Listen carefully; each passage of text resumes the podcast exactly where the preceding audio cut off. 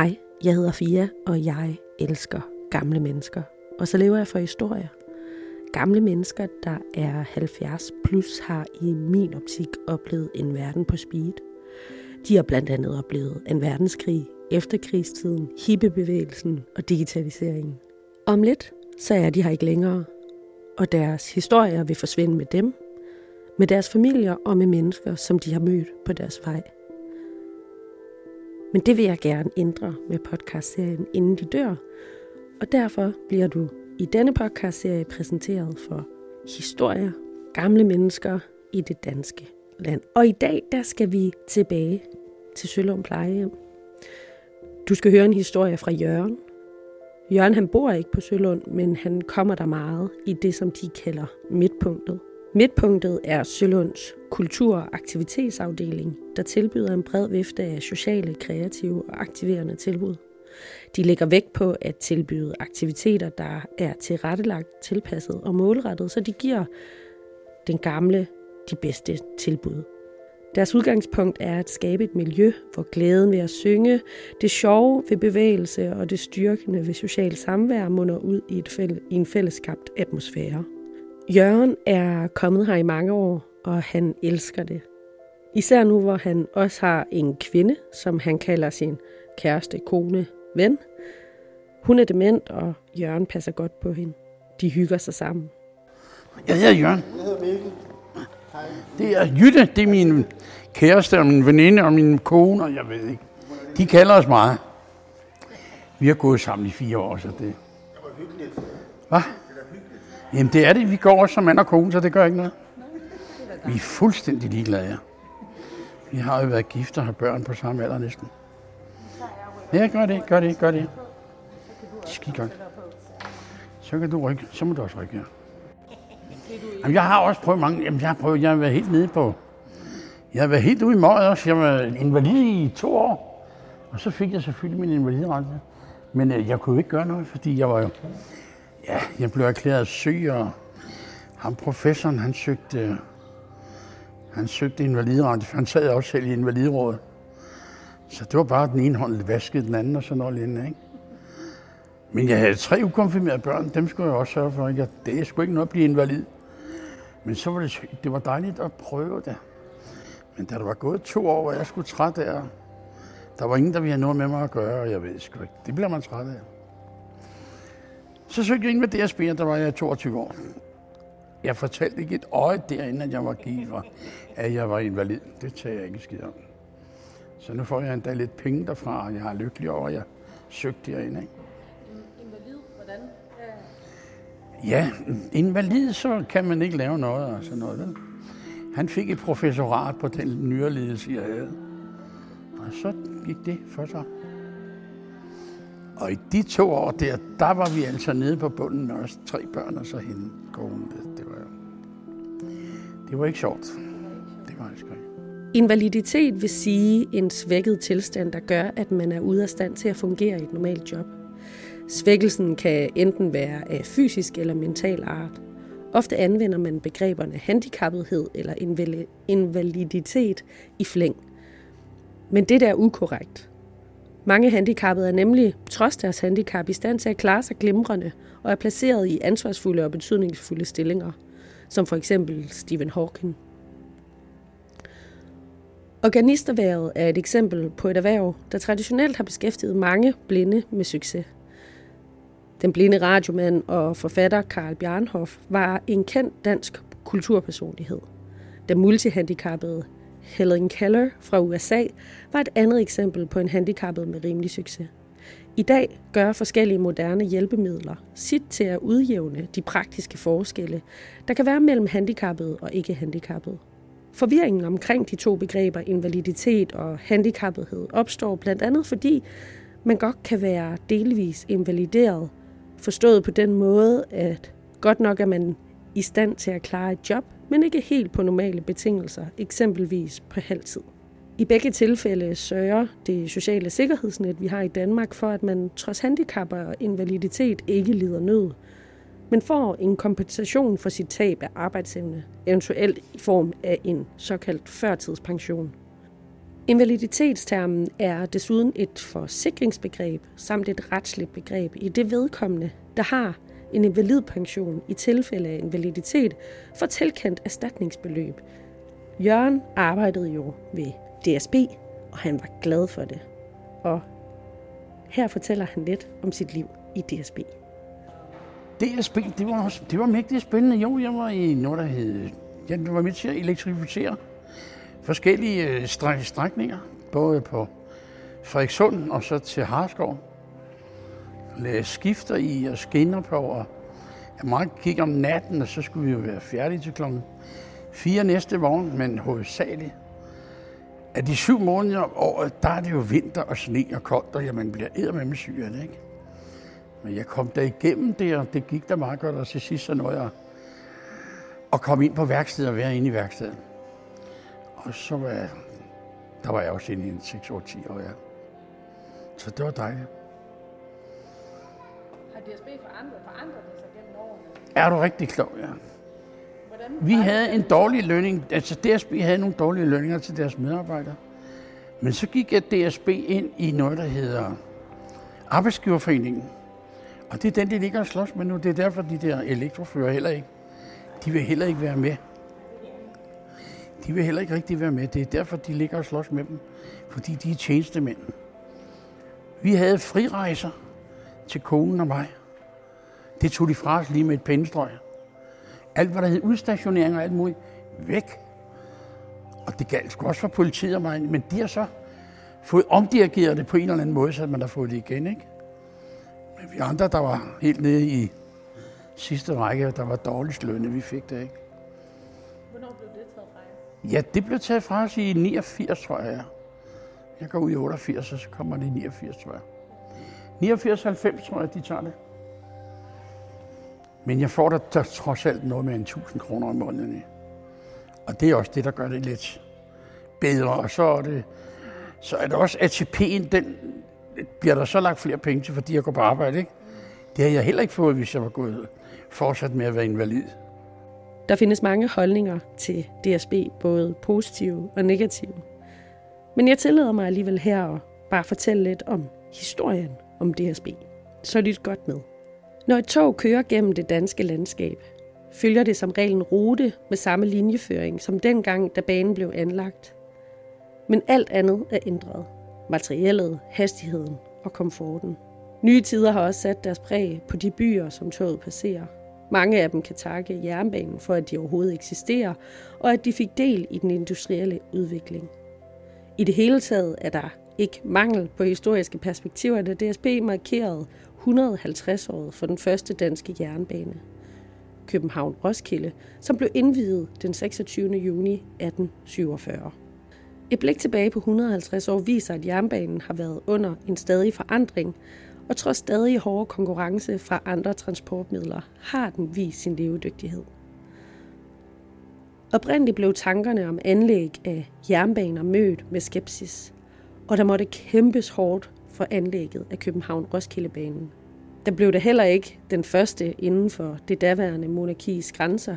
I 1844 kunne banen mellem Altona og Kiel tages i brug 19 år efter, at verdens første jernbane til offentlig trafik blev åbnet på strækningen Stockton-Darlington i England. Initiativtager til København-Roskildebanen var Industriforeningen.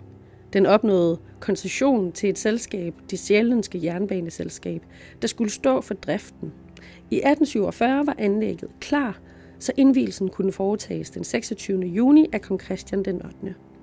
Den følgende dag blev der åbnet for almindelig drift med tre tog daglige i hver retning, og mellemstationer i Valby, Glostrup, Køvejen, altså i Tostrup og Hedehusene. Selskabet havde i første omgang anskaffet fem lokomotiver og 18 personvogne, men der blev også benyttet åbne godsvogne med bænke til personbefordring. Karakteristisk for denne første jernbane var udflugtstrafikken, og de fleste betragtede jernbanen som et fornøjelsesmiddel. Kun de færreste havde blik for, hvilken betydning jernbanen senere skulle få, både for den enkelte, for byudviklingen og erhvervslivet. Staten viste ikke særlig til interesse for nyanlæg, så det sjællandske jernbaneselskab stod også for forlængelsen af banen fra Roskilde til Korsør i 1856 og andre anlæg i Sjælland. På den anden side af Storebælt formede udviklingen sig lidt anderledes. Her trak planerne i langdrag på grund af uenighed om linjeføringen. Nogle kredse foretræk længdebaner i Jylland af hensyn til forbindelsen med hertugdømmerne, mens andre gik ind for tværbaner på grund af sammenhængen med England.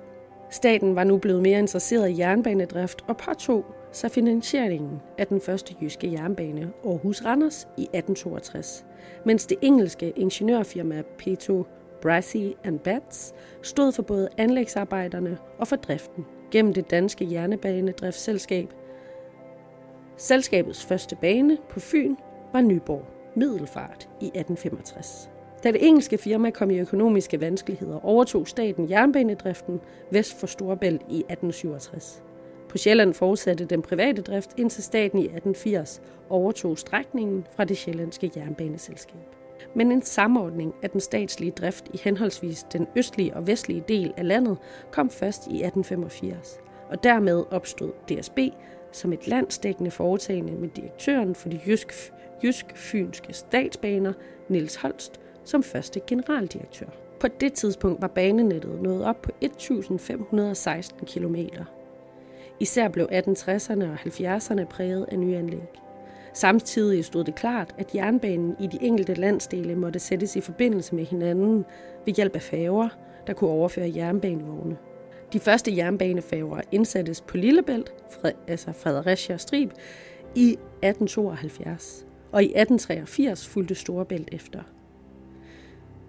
Den oprindelige skepsis var nu afløst af en kamp for jernbaneanlæg i erkendelse af fordelene. Hurtigere transport var en af dem. De første tog kørte fire gange så hurtigt som diligencerne. Samtidig blev transporten billigere, i første omgang især til glæde for landbruget. Men også for den begyndende industrialisering blev jernbanen en afgørende faktor. Især købsteder med kombinationen af jernbane og havn nød godt af udviklingen. Samtidig satte jernbanen sit præg på bebyggelsen uden for købstederne. Navnlig efter at de med indførelsen af næringsfriheden mistede deres handelsprivilegier. Nu blev der mulighed for handel, også andre steder, men gode transportmuligheder var en betingelse. Man måtte placere sig ved jernbanen, og et nyt Danmark opstod med et mønster af stationsbyer. Det var ikke overalt, staten ville påtage sig at finansiere jernbaneanlæg. Løsningen blev etablering af privatbaner, hovedsageligt sidebaner. Indtil tiden omkring 1. verdenskrig havde banerne en form for monopol på landetransport. Men det ændrede sig med den begyndende udbredelse af biler i første omgang især rutebiler og lastbiler. Så sent som i 1918 blev der vedtaget en jernbanelov med omkring 40 nye strækninger. Men en stor del af dem blev aldrig bygget, fordi bilerne overtog mange af de lokale transportopgaver. Da det knep med at få koordineret skinne og vejtrafikken, gik DSB i 1932 selv ind i rutebildrift. Jernbanenettet fik sin største udstrækning i 1930 med 2.500 km statsbane og 2.800 km privatbane. På det tidspunkt havde de første banenedlæggelser allerede fundet sted. Alt tyder på, at nedgangslinjen ville fortsætte ind i 1930'erne. Alligevel vil eftertiden huske det som et årti præget af optimisme – Lillebæltsbroen fra 1935 og den samtidige indførelse, indførsel af lyntogene revolutionerede hele landets trafik. I 1937 fulgte Storstrømsbroen Europas længste jernbanebro. På plussiden kommer også omvæltningen inden for den københavnske nærtrafik ved indførsel af S-togene i 1934. Men alle fremstød for at få flere kunder ophørte med besættelsen i 1940. Brændselssituationen i krigszone medførte kraftige indskrænkninger i køreplanen. Men DSB fik alligevel flere kunder, fordi vejtrafikken var endnu hårdere ramt. Det betød også, at banerne måtte påtage sig en særlig samfundsopgave ved transport af tørv og bronkul. Hertil kom opgaverne med transporter for besættelsesmagten og jernbanesabotagen gjorde ikke situationen lettere. Ved krigens slutning stod DSB med et transportapparat, der var stærkt nedslidt, men dog nogenlunde intakt. Efterhånden som restriktionerne for biltrafikken ophørte, fik toget stærk konkurrence på landevejen, mens det knep med moderniseringen af DSB. Dog skete der en historisk omvæltning i 1950'erne gennem indførsel af diesellokomotiver, der kunne afløse selv de kraftigste damplokomotiver. Først i 1970 kunne DSB helt forlade dampdriften. 1950'erne vil også huskes for de første anlæg til fjernstyring af jernbanestrækningerne og etablering af særlige bilfærgeruter. Halskov til Knuds Hoved. Og i 1960'ernes største anlægsprojekt blev Fugleflugtslinjen, og det var også et årti med nye lyntog og en ny S-togstype. Men det var samtidig en periode, hvor jernbanenettet blev kraftigt reduceret. Den største samlede nedlæggelse af DSB-baner fandt sted i 1971. Men ellers var 70'erne præget af et DSB i offensiv. Et værktøj i denne politik var indførelsen af et designprogram, og DSB fik også sin første langtidsplan. Timedrift og faste minuttal satte også præg på regionaltrafikken, hvor der kom nyt materiel både øst og vest for Storebælt. På S-baneområdet kom der lidt mere fart i udbygningen af nettet, men fire etapper skulle der til, før det lykkedes at få færdiggjort Køgebugbanen i 1983. Det var også med en væsentlig forsinkelse, at der i 1986 kunne indvies en storstation i Høje Tostrup for både S-tog og alle andre tog.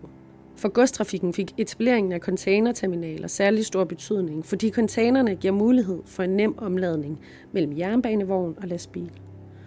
Men for uden dør-til-dør-princippet blev der et nyt knudepunktsystem for stykgods lagt vægt på dag-til-dag-princippet.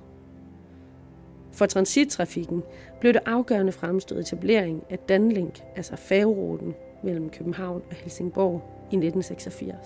Et særtræk ved DSB sammenlignet med statsbaner i andre europæiske lande var indtil slutningen af 1970'erne. Det manglede elektrificering, men i 1979 kom loven om elektrificering af hovedbanerne, og præmien fandt sted mellem København og Helsingør i 1986. Oprindeligt var det hensigten at elektrificere alle hovedbaner øst for Storebælt, men efter vedtagelsen af den faste Storebæltsforbindelse blev det i stedet besluttet at elektrificere strækningen København-Fredericia, Padborg, i stedet. Desuden er eldrift indført på Sønderborg-banen og den faste Øresundsforbindelse. Men herefter er udbygningen af den elektriske drift sat i bero. 1990'erne blev præget af massive investeringer i nye togsæt og anlæg af faste forbindelser over Storebælt og Øresund. Efter indsættelsen af de første IC3-tog i 1990, kunne man basere hele fjerntrafikken på anvendelse af togsæt fra 1991. Det betød flere direkte forbindelser og kortere rejsetider. I 1995 indsatte DSB de første elektriske regionaltog. Og året efter blev også de første nye S-tog sat i drift. Med indvielsen af den faste Storebæltsforbindelse i 1997 og forøgelsen af hastigheden på hovedstrækningerne til 180 km i timen, samme år blev jernbanens konkurrenceposition overfor ikke mindst den indlandske flytrafik styrket markant. Det gav stærkt stigende passagertal. Succesen fra Storebælt blev i 1998 fuldt op med lanceringen af visionen Gode tog til alle. Opskriften og erfaringen fra Storebælt. Hyppige afgange med faste minuttal, stærkt forkortede rejsetider og anvendelse af moderne materiel med høj komfort skulle overføres til alle DSB-strækninger. Et centralt element i planen er anskaffelse af 83 EC4 og 23 EC2-tog, hvorefter de nuværende fjerntog EC3 blev overført til regionaltrafikken, som trænger til et kvalitetsløft. DSB er desuden blevet omdannet til en selvstændig offentlig virksomhed, der alene tager sig af passagertransport. Med en tidsvarende selskabsform, de mange investeringer i materiel og faste forbindelser og en engageret medarbejderskare ruster DSB sig til fremtidens udfordringer. Det var hvad DSB skrev om deres historie, men nu synes jeg da også efter alt det, jeg har snakket, at vi skal tage tilbage til Jørgen. Og så er det, jeg kommer igen og siger, at jeg er lykkelig over, jer. jeg tog jobbet uden at spørge om noget. Ikke? Og måden, jeg spurgte på, det var, var der en chance her? Og ham ingeniør, han sagde, ja, der er lige en mand, der er død derude, den kan du tage ud og søge på. Tak, sagde jeg. Det er sgu heller ikke en måde at sige det på, synes jeg. Hvis man har bare en lille smule fantasi, vel? Men sådan er det. Ja, det var lige af det, ja. Men før den tid var jeg så i ØK i to år på fire rejser, to på Østen, to på Australien. Det er ØK's ja, selskab, det er et skibsrederi, var det engang. Østasiatisk Kompani. Et meget, meget stort og højst, højt sådan avanceret, meget fint selskab. Det eksisterer den dag, da det nede fra Singapore bliver det eksisteret fra. Det var hovedsædet i Bangkok og startede med noget etatsråd Andersen, tror jeg, han hed dengang. Det var ham, der startede det. Det er nemlig rigtigt. I 1884 stiftede H.N. Andersen handelsselskabet Andersen Co. i Bangkok med formål at varetage handel og transport af teaktræ fra Thailand og andre dele af Sydøstasien til Danmark og andre dele af Europa. Den 27. marts 1897 stiftede han i København øh, det Østasiatiske Kompani, og siden fulgte en række datterselskaber i England, Rusland, Kina, Frankrig, Singapore, Malaysia og Thailand. I løbet af de næste 80 år udbyggedes aktiviteterne til at omfatte handel og søtransport over hele verden.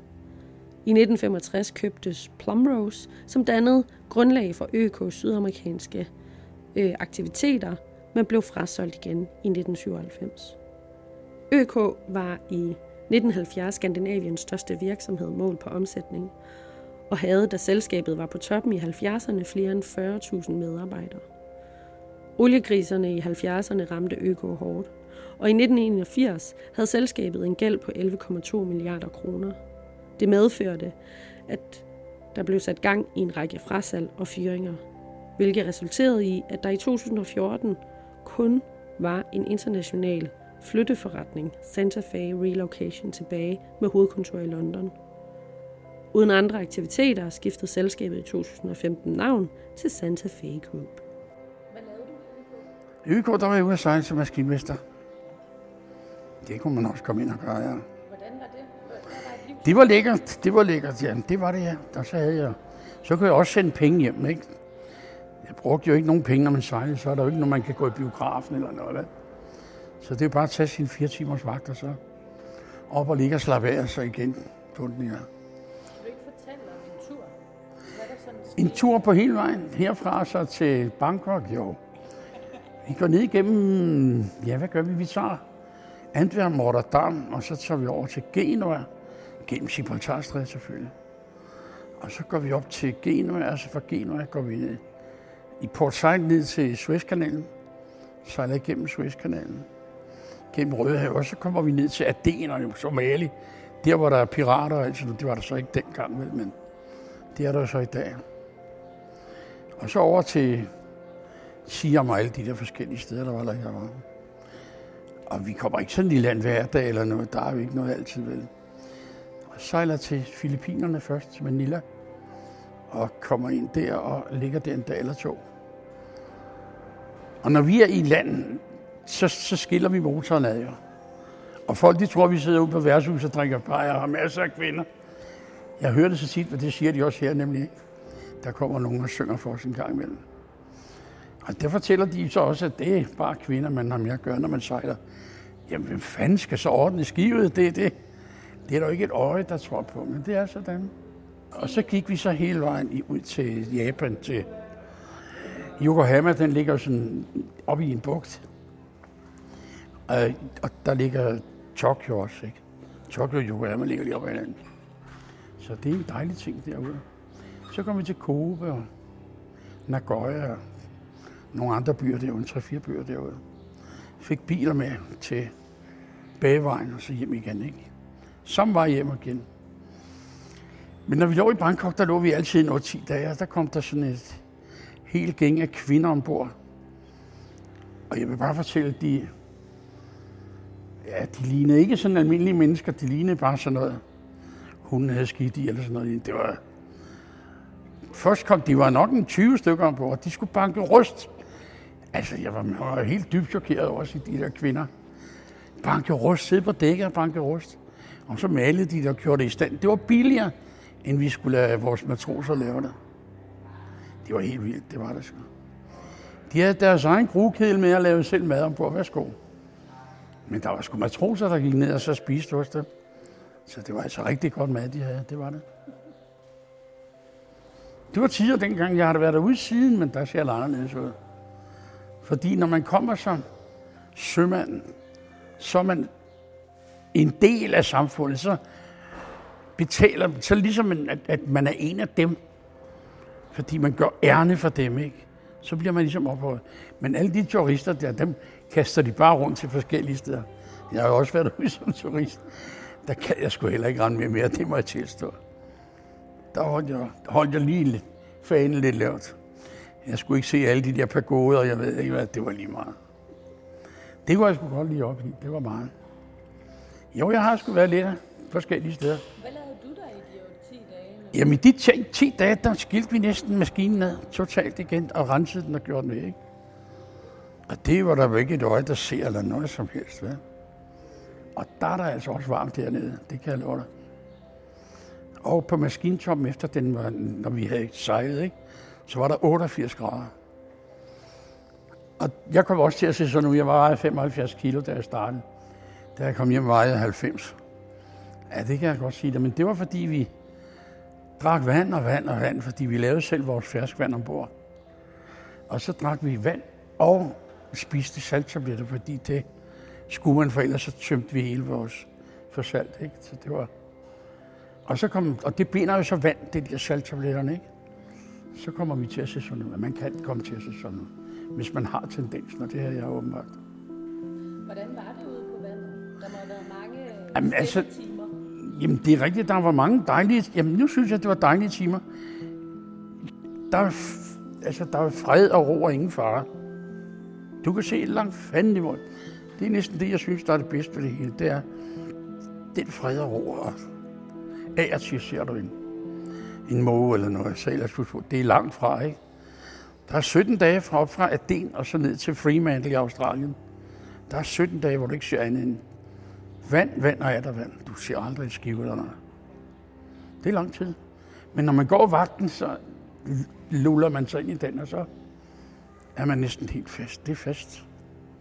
Det synes jeg var skide lækkert. Hvad med sammenholdet med... Jamen de forskellige, jo, men det var, det var rigtig godt, synes jeg. Der var ikke nogen, fordi alle var lige, lige, lige som sådan, når man først kommer ud på det lange distancer der. Så det med alle de der striver og regering, det er kun lige, når man kommer i land, og så når man skal have noget eller et eller andet, så er det det eneste, der hjælper. Ikke? Men når man er på bord, så går vi sgu alle sammen i shorts og, en genrelaser, så er det godt. Det er det hele, der er ikke noget. Men hvad lavede I jeres fritid? Du havde Fritid, jamen der lå man sgu på langs, det kan jeg love dig, så vasker vi tøj, og vi skulle jo passe sig selv jo som sådan, ikke? Og spise derude og drak det. Jeg havde bare sådan en forestilling om, at man spillede kort, og Ja, jeg ved godt, der, der går også så mange rygter om alt det der. Men vi dogner den og sådan noget, når vi kan komme afsted med det her. Og så er der nogle fritidsjob og sådan, hvis man har lyst til det. Der er nogen, der sidder og, og, og nørkler med noget bælteværk og alt sådan noget skægt. Det er der. Men det er hovedsageligt de gamle matroser. De kommer slet ikke ud af døren. Det kommer dårligt ud på dækket, og så får vi sat noget noget swimmingpool op for så vidt, ikke? For vi kaster sådan noget lærred op, ikke? Og Sømmer det fast, ja. Og for ekvatordåb, ja. Det får vi sgu også. Ekvatordåb, det er, når vi skal over på den sydlige del af jordkloden, ikke? Så kommer kong Neptun ombord og spørger, om vi må, om, om, og, og siger, om, om vi må komme ned til dem og sådan noget lignende. Og så bliver vi smuttet ind i olie, og jeg ved sgu ikke, hvad de gør. Når ekvator krydses, afholdes en traditionel ceremoni. Det er et ritual fra flåden, og var til at starte med en test for erfarne sømænd for at sikre, at en ny besætning var i stand til at håndtere båden og blive, en lang, blive lang tid på havet. Med tiden er ceremonien blevet en glad fest for både besætningen og passagerer ombord på et fartøj. Ved passage af ekvator skal alle døbes for at blive fuldt indviet i kong Neptuns rige. Men hvordan foregår sådan en dåb af kong Neptun, når man krydser ekvator? Det er sådan, at der findes to typer. Der findes dem, som har krydset ekvator. De bliver kaldt de trofaste shellbacks. Og så er der den besætning eller passagerer, som ikke har krydset, og de hedder de slimede polywalks. Det foregår således, at når en båd skal til at krydse ekvator, vil øh, de trofaste shellbacks oprette kong Neptuns retssal, hvor at de slimede polywalks vil blive indviet, indvidet i mysterierne fra det dybe hav. Ritualerne under dåben kan variere. Det kan være enkelt, men de fleste foretrækker en festlig sammenkomst med kostymer og udstyr.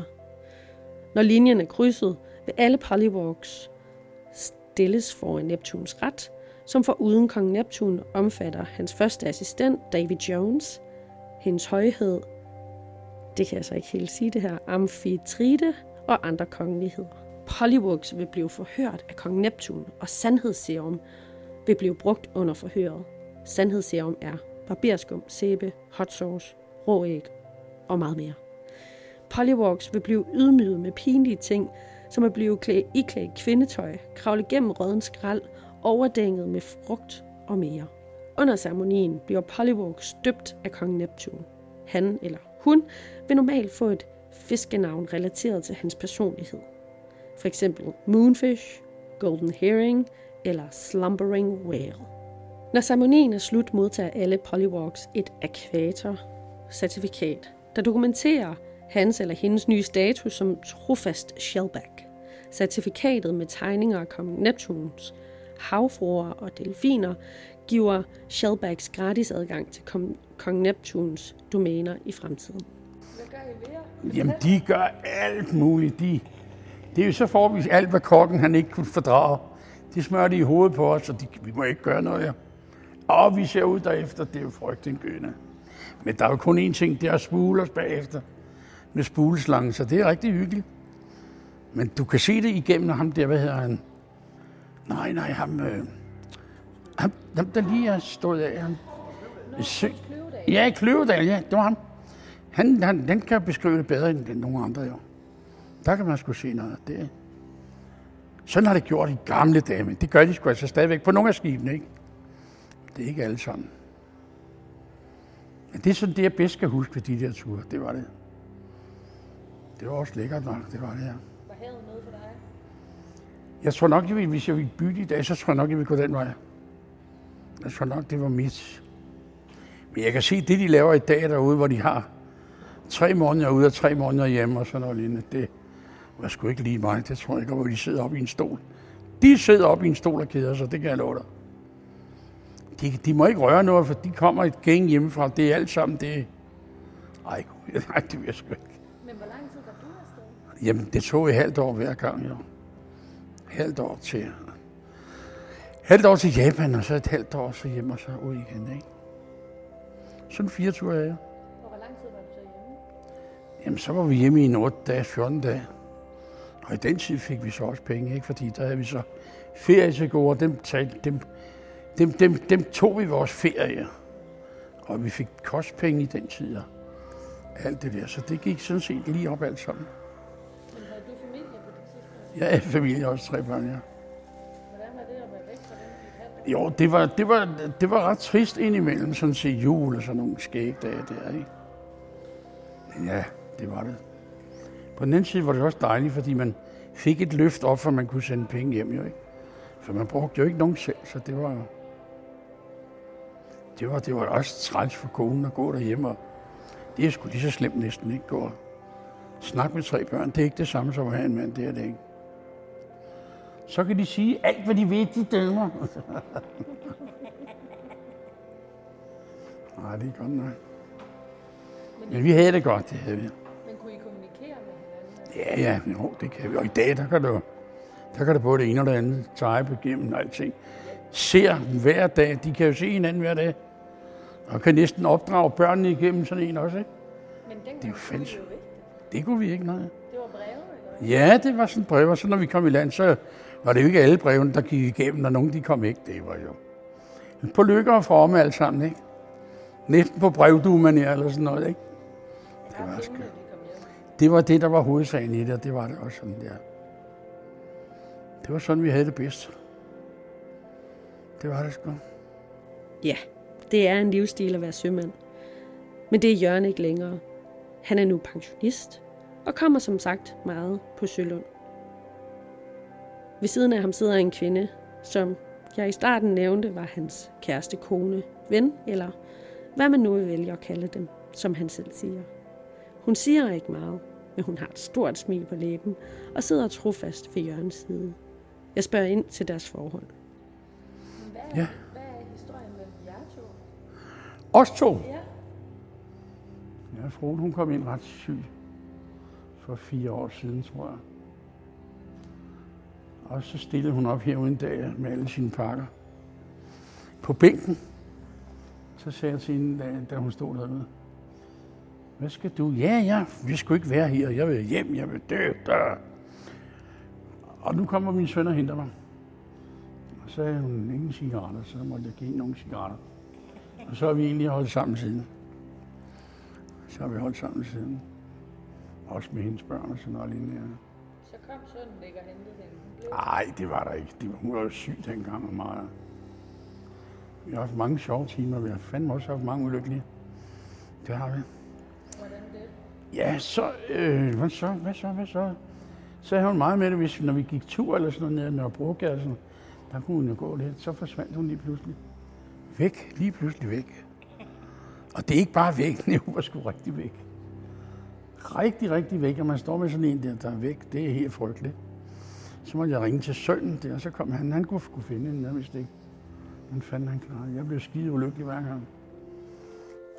Men så, så til slut, så hvad så? Jo, så begyndte det at falde. Faldt herude og smadrede næsten hele ansigtet. Og kom lige på hospitalet lidt og lå der. Kom tilbage igen. Men nu er det alt sammen væk. Nu er hun ligesom blevet bedre. Og det tror jeg, det er ren og skær kærlighed. Det tror jeg. Til hinanden egentlig. Det tror jeg rigtigt. Jeg synes, det lyder helt åndssvagt, men det, det er også min overbevisning, og det tror hun også selv på, ja. Hvor hun er blevet meget bedre. Ja, rigtigt. Hvordan kommunikerer I med hinanden? Ja, men kommunikere, hun kan godt sige noget. Hun kan også godt tale og sådan noget. Hun er bare ikke så skrab til det. Hun vil ikke så gerne. Men vi kender hinanden så godt, så det er jo... Vi har næsten boet sammen også. Jeg bor lige herovre. I nu bor jeg lige herovre. Jeg skal jo flytte her nu til den første her. Har jeg lige fået at vide dag, der kom en og sagde, du, du skal bo op på 132. Skal du op og se det, eller hvordan? Jeg har været her i 16 år, så jeg ved godt, hvordan det ser ud. Det er rigtigt, ja. Vi er mand og kone, vi er kærester og alt muligt, og jeg ved sgu ikke. Vi er bare så... Nej, vi er sgu ej. Nej, ja, det er rigtigt. Det kunne de godt, men det er lige meget. Altså, vi er så langt i det der, og vi gifter dig, det rager os, det sker jo. Vi har det bare godt sammen, når det er færdigt. Det er ikke så meget. Det er sådan, det er. Er det rigtigt? Ja, ja. Glæder du dig til at flytte over? På en måde gør jeg, ja. Jeg er fri for mange ting, sådan også i det, i det hele taget. Hjertet begynder at falde sammen eller noget andet, ikke? Jeg har også haft noget med hjerteproblemer, som jeg har haft. Jeg har fået sat to stens i. Det er mod, øh, mod, mod, mod, øh, mod hjerteforkalkning, overforkalkning. Og der har jeg fået sat to i. Og der var vi tæt på at sige farvel, men ham lægen, han gav mig også kun der i nogen 60 der, ikke? Han gav mig 10 år til at leve i. Det kan jeg huske, det sagde min datter altid. Men det har jeg overskrevet for længst. Og det kommer også ved, at jeg synger mig glad hele dagen, fra morgen til aften. Det er sgu rigtigt. Synger du sådan rigtigt? Jeg synger fuldstændig på fuld hammer. Hvad synger du? Ja, det kan, alt, hvad der står i en bog der, de der salmebøger, eller hvad det er, vi har. Jeg kan jo de fleste af bøgerne. Hvor mange af de unge mennesker ikke kan dem, det er altså almindelige danske sanger og sådan noget. Højskolesangbøgerne og sådan noget. Ikke? Kan du også nogle udenad? Hvad kan jeg? Kan du også nogle udenad? Nå, ja, nej, nej, ikke uden det, kan jeg sgu ikke. Når jeg kommer, når jeg kommer, i, når jeg kommer igennem. Nej, jeg synger sammen med nogle af de der holder. Jeg synger sammen med Helle. Det er en, der er leder herinde. Ja. Hende synger jeg meget sammen med. Men nu er der kommet men under mandag, og så er jeg Lasse, der er fra en eller anden. Høj, hvad er de? De, de sådan nogle pædagoger, ja. Sangpædagoger eller sådan noget. Musikpædagoger. Musikterapeuter. Ja, og det er mægtigt. Det er noget, der er fint. Det er ikke lige meget. Ja, ja, men det kan de, og så kan jeg synge dem. Det er godt. De kan ikke alle sammen. Men Det kan jeg. Det er så forskellen igen, ikke? Jeg har lært dem sammen med min moder. Så sådan har vi haft det. sjovt sammen i al den tid, ja. Det har vi haft det godt med. Så det optræder jeg med stadigvæk. Hver morgen. Og så kommer Jytte ned til mig, smilende og reagerer. Er det rigtigt? Ja, ja. Det gør du. Og de andre, de er så fri for at passe sin dom. Ja. Så vi har det godt, skatter. Det har vi nemlig.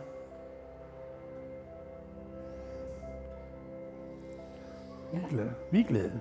Jeg har sådan et spørgsmål, som jeg altid stiller. Ja, Fordi at, øh, det gør du bare. jeg synes, det er ret så spændende, når vi snakker om døden. Døden, ja. Jeg oplever for mange på min generation, at jeg har lidt svært at snakke om det. Nå,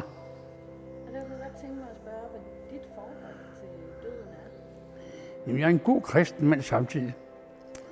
Så har jeg siddet i menighedsrådet nede i Kildevandskirken. Så derfor så har jeg fået en, en anden opfattelse af kirken. Hvis du har spurgt mig før, da jeg var 20-30 år, så er jeg også. Men altså, det er jo helt anderledes i dag, ikke?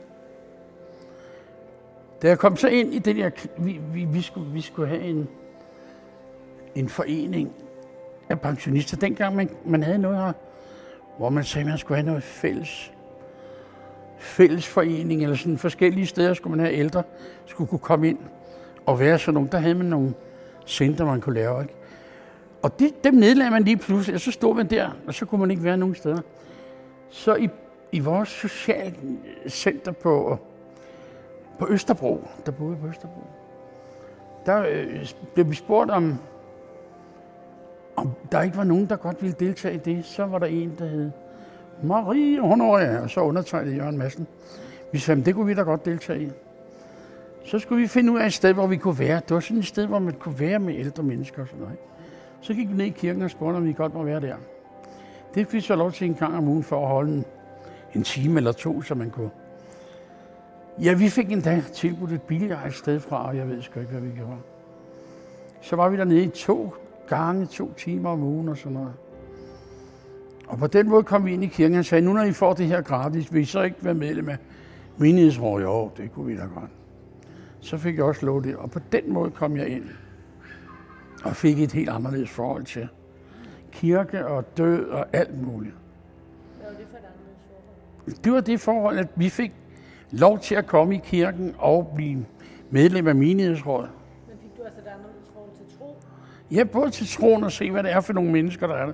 Man tror nogle gange, at sådan nogle mennesker, de er sådan nogle højt nogen, ikke? Altså, de, sådan er det jo bare ikke altid. vel? Det er dødelige mennesker alle sammen, jo. Og det er jo det, man går fejl af nogle gange. Og sådan er politikere også, for vi gik så derfra igen. Så spurgte Nå, så vil vi være medlem af partiet, og så gik jeg over i Socialdemokratiet også. Og så var jeg også medlem der. Og kom ind på Christiansborg og alt sådan noget. Det var, ja, det var sgu meget sjovt alt sammen.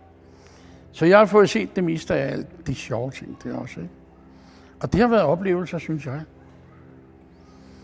Jo, og så når man selv har stået på grænsen nogle gange til døden, så får man også et helt andet forhold til det, når man kommer tilbage igen. Ikke? Ja, hvis, når jeg har været til operationer og sådan noget lignende, ikke? Og så, ja, det skulle ikke, så siger de, det er jo ikke sikkert, at du kommer tilbage, fordi hvis du nu øh, går glip af den der med, med, med narkosen og sådan noget lignende, ikke? og vi ikke kan få dig tilbage, så er der ikke noget at gøre ved. Og det tager de sgu, de, de siger det jo lige ud af den anden vej. Og det er jo, så opdager man egentlig, det er jo sådan, det er. Og det er jo aldrig sjovt at få at vide, at man skal dø, når man har tre børn derhjemme eller noget som helst. Men altså, sådan er det jo. Det er jo jeg kan jo ikke gøre noget ved det alligevel, uanset om jeg, jeg spræller eller noget. Så er ikke Og så opdager man det sådan set. At livet det er der, uanset om man vil det eller ej. Så det er ikke, fordi du er bange for Nej. Nej, fordi så, så finder man en, en nar, den anden, der siger, jamen det kan da være, at det over på den anden side, der er bedre derovre end der her. Det ved man jo ikke, hvad man skal ind i, vel? For jeg tror ikke på, at livet det slutter bare lige her. Eller? Jeg tror sgu, der kommer noget bagefter igen. Det tror jeg. Ja, det er sgu så lidt øh, værd, det tror jeg. Jeg tror egentlig på noget, der er bedre, ja. Det tror jeg. Jeg tror også, man skal stå til regnskab for, hvad der er sket og sådan noget. Også at vi får lov til at bestemme, hvad der skal ske næste gang. Og sådan. Det tror, det er den, jeg tror også, det er den samme familie, man kommer ind i igen. Det tror jeg sgu også på. de står der derude og venter på en. Det gør, jamen det gør de. For der er mange af tingene, de sker på en underlig måde, hvis øh, at der er nogle gange, at der er noget, der ligesom kommer lige efter man ville have sagt sådan der, ikke? Så sker det i stedet for, ikke? Det er jo det, jeg synes, der er det underlige i det. Så siger man, hvor fanden kunne det ske? Det er bare sådan, og så går vi videre, ikke? Og det, det kan man jo ikke. Man kan diskutere det fra nu af til lille Olaf, men du kan hverken bevise det ene eller andet. Det er ingenting. Så på den måde, det er jo det, der er det spændende. Derfor tror jeg ikke, der er et. Derfor tror jeg ikke, at det stopper her. Sådan er det. Så er det jo næsten lige før, man glæder sig det. I store træk kan man godt gøre det indimellem, det vil jeg nok sige. Hvis man er langt ude, så er det fandme. Så er det ret nok, at det det her. Men jeg har også været langt ude, hvor der kom en dame op nede. En, der lige boede nedenunder og spurgte, om hun måtte godt give os 100 kroner, for hun havde fået at vide, at jeg havde været lang tid syg og sådan noget. Men tænk dig at spørge over selv pensionister boede alene i det værelse der. For det var Guds vilje. At så bliver man sgu rørt, ikke? Ja, det har jeg prøvet. Det synes jeg var interessant. Men man kan jo ikke sige nej til sådan, når de står derude. Det, det var spændende. Så jeg har prøvet lidt af hver. Både at være ude og inde. Ja, ja, vi er ude og inde hele tiden. Det er dejligt nok. Og så kom herover igen, hvor der også sker en hel masse. Ikke? Ved distortion, det, var, det har I hørt om, ikke? Ej. Vi havde noget, der hed Distortion, og der havde man arrangeret noget med Elvis og band. Og ham, der, ham, der, der, der, det er nogen, man har haft ude på restauranter, sådan noget, på Damhuskroner og sådan noget. Og ham, der var Elvis, han var så knaldhammerende god mand. Så det var en rigtig god. Det var helt vildt. Og der var et hav af mennesker, ikke? Kræftede med godt, det var det. Det var rigtig godt. Det skriver man om endnu. Og taler man om endnu. Det, det har jeg på Facebook hele tiden. Det er mærkeligt. Ja. ja, det var sjovt. Der var selv de gamle, de var meget vilde og dansede og regerede. Det er sådan noget, man skal se. Det er sgu rigtigt. Det kan jeg love dig. Han lignede ham også meget godt, og vade rundt som ham. Det var så sættende godt. Også dem, der spillede. Fantastisk godt. Det er underligt, at sådan nogle gamle mennesker vil have sådan noget, men det er jo deres ungdom, der var sådan, ikke? Der var vi ikke rigtig vant til det der narko og skidt, der var. Det var mere til bajer, og hvem mere? Jo, hun også holdt op med at ryge. Det gjorde hun sgu selv et stykke tid. Det er ikke noget, jeg har sagt. Men jeg ryger ikke, og jeg drikker ikke, og så. Det er også holdt op med, jeg pludselig. Hvorfor? Ja, det ved jeg sgu ikke. Det gør jeg bare. Ja, hvad gjorde jeg? Jeg holdt op med at ryge i 79. Og i 90 holdt jeg op med at drikke i det hele taget. Så sagde jeg, nu vil jeg sgu ikke mere. Sådan. Har du drukket meget inden da? Nej, synes jeg ikke selv. Det kan være andre, de har synes det. Det kan jeg sgu være ligeglad med. Men der er nogen, der har drukket mere end mig i hvert fald. Jeg har da sørget for det hjemlige hele tiden, jo ikke? Det er jo stadigvæk det, man skal sørge for at lægge bag sig. Og vi har da haft biler, og vi har da haft campingvogne. Vi har da været hele Sverige Norge hjemme. På tur hele vejen igennem. Et par gange, tror jeg. Så vi har haft det godt, sådan set, det synes jeg selv.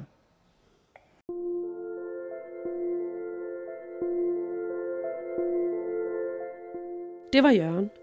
Jørgen, som nu flytter på plejehjem. Og det lyder han til at være tilfreds med. Tusind tak til Jørgen for at fortælle glimt fra hans liv. Og tak til dig, fordi du lyttede med. Som jeg har skrevet på Facebook-siden for Inden de dør, har jeg valgt at udkomme med afsnit hver anden tirsdag. Og det er simpelthen fordi, at det er svært for mig at følge med. At producere et afsnit tager lang tid, og derfor har jeg måttet skære lidt ned fra ambitionerne. Jeg håber nu, at du stadig vil lytte med, for jeg nyder at lave afsnit til Inden de dør. Og så er det jo bare ekstra fedt at kunne dele det med jer andre. Vi høres ved om to uger. Ha' en rigtig dejlig tirsdag. Så får vi se, hvad der sker. Om vi bliver berømt. Det håber jeg. Ikke mere end hvad vi er, vel? Vi er berygtet i forvejen. Ah. Der er ikke meget galt. Det er så lidt, det er så lidt. Jeg skulle have haft det sjovt. Imens vi har været her, det har vi. Det har jeg stadigvæk egentlig, det har jeg.